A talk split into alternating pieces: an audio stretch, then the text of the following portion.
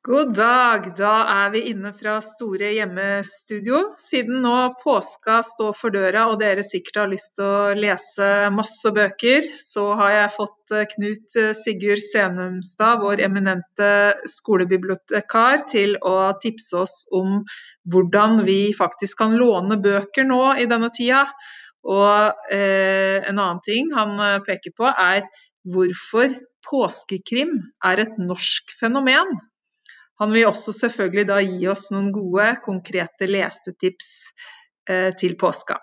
Så med det, eh, før jeg gir ordet over til Knut Sigurd, så ønsker jeg dere en riktig god påske. Hei.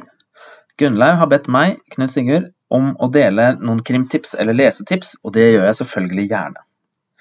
Første tips er å opprette låner i Bookbites-appen. Det er smart å finne fram elevkortet først. Der står nemlig lånenummeret ditt. Det er seks eller sju bokstaver som står under strekkoden. Det er også lurt å logge inn på skolebiblioteket. Det finner dere lett ut av på skolens hjemmeside. Logg inn med Feide. Der kan du nemlig opprette en PIN-kode som du trenger for å opprette bruker på Bookbites. Nå er du klar til å opprette bruker og laste ned Bookbites. I omvendt rekkefølge, selvfølgelig. Kulturdepartementet har bidratt med penger til masse nye bøker du kan laste ned til nettbrett eller mobil, og nikose deg med. Sjøl har jeg nettopp lest den siste til Mathias Fallbakken, så gleder jeg meg veldig til Epikrise, som er av den kjente tvitreren Grusomme Marit. Da du logga inn på biblioteket, la du kanskje merke til Pressreader-ikonet i venstre menyen. Når du er logga inn eh, med Feide, får du tilgang til aviser og blader fra hele verden.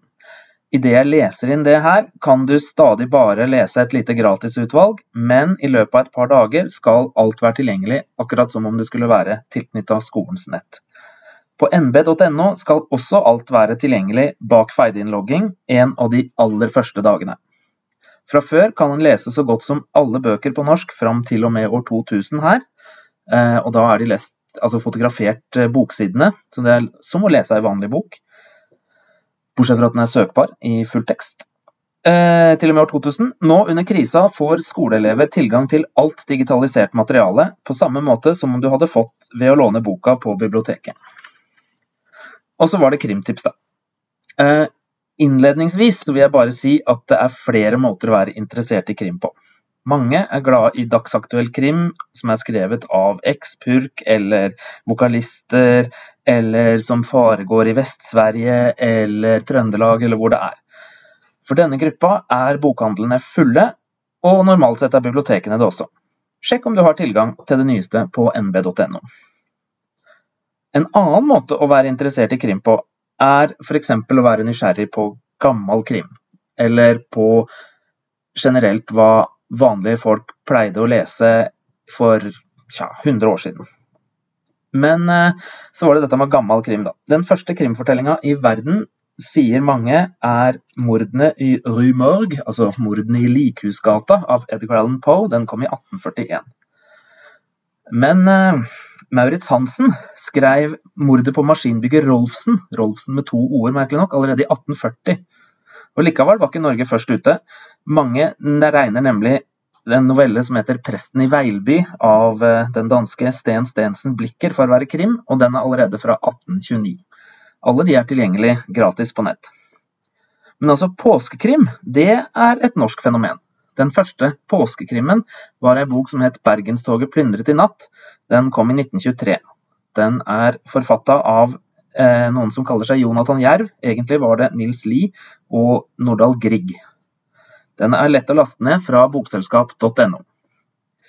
Bokselskap.no er forresten et fint sted å finne gratis bøker. Ulike miljøer tar på seg frivillig å klargjøre e-bokutgaver e-bokutgaver av bøker som har falt i det fri, altså bøker der ingen har krav på royalties av salget. Her ligger bl.a. mordet på maskinbygger Olsen, men også Den forsvunne pølsemaker, som er en ellevill krimparodi fra 1919. Jeg er sjøl med på å gjøre klar bøkene om Carl Munch for utgivelse av bokselskap. I kveld er jeg på slutten av den bok nummer tre som heter Det hemmelighetsfulle skip.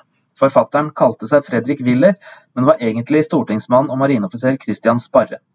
Det hemmelighetsfulle skip er altså en sjøkrim av en admiral. Den er foreløpig ikke helt klar til bokselskap ennå, men den ligger på bokhylla.no.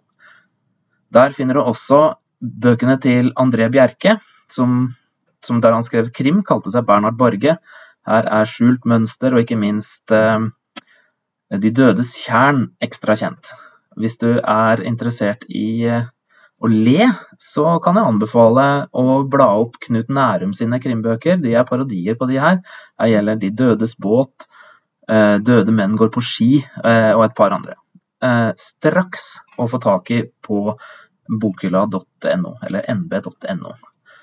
Eh, så vil jeg ønske alle sammen riktig god påske, og jeg gleder meg til å se dere igjen på skolebiblioteket når biblioteket kan åpne igjen. Ha det bra!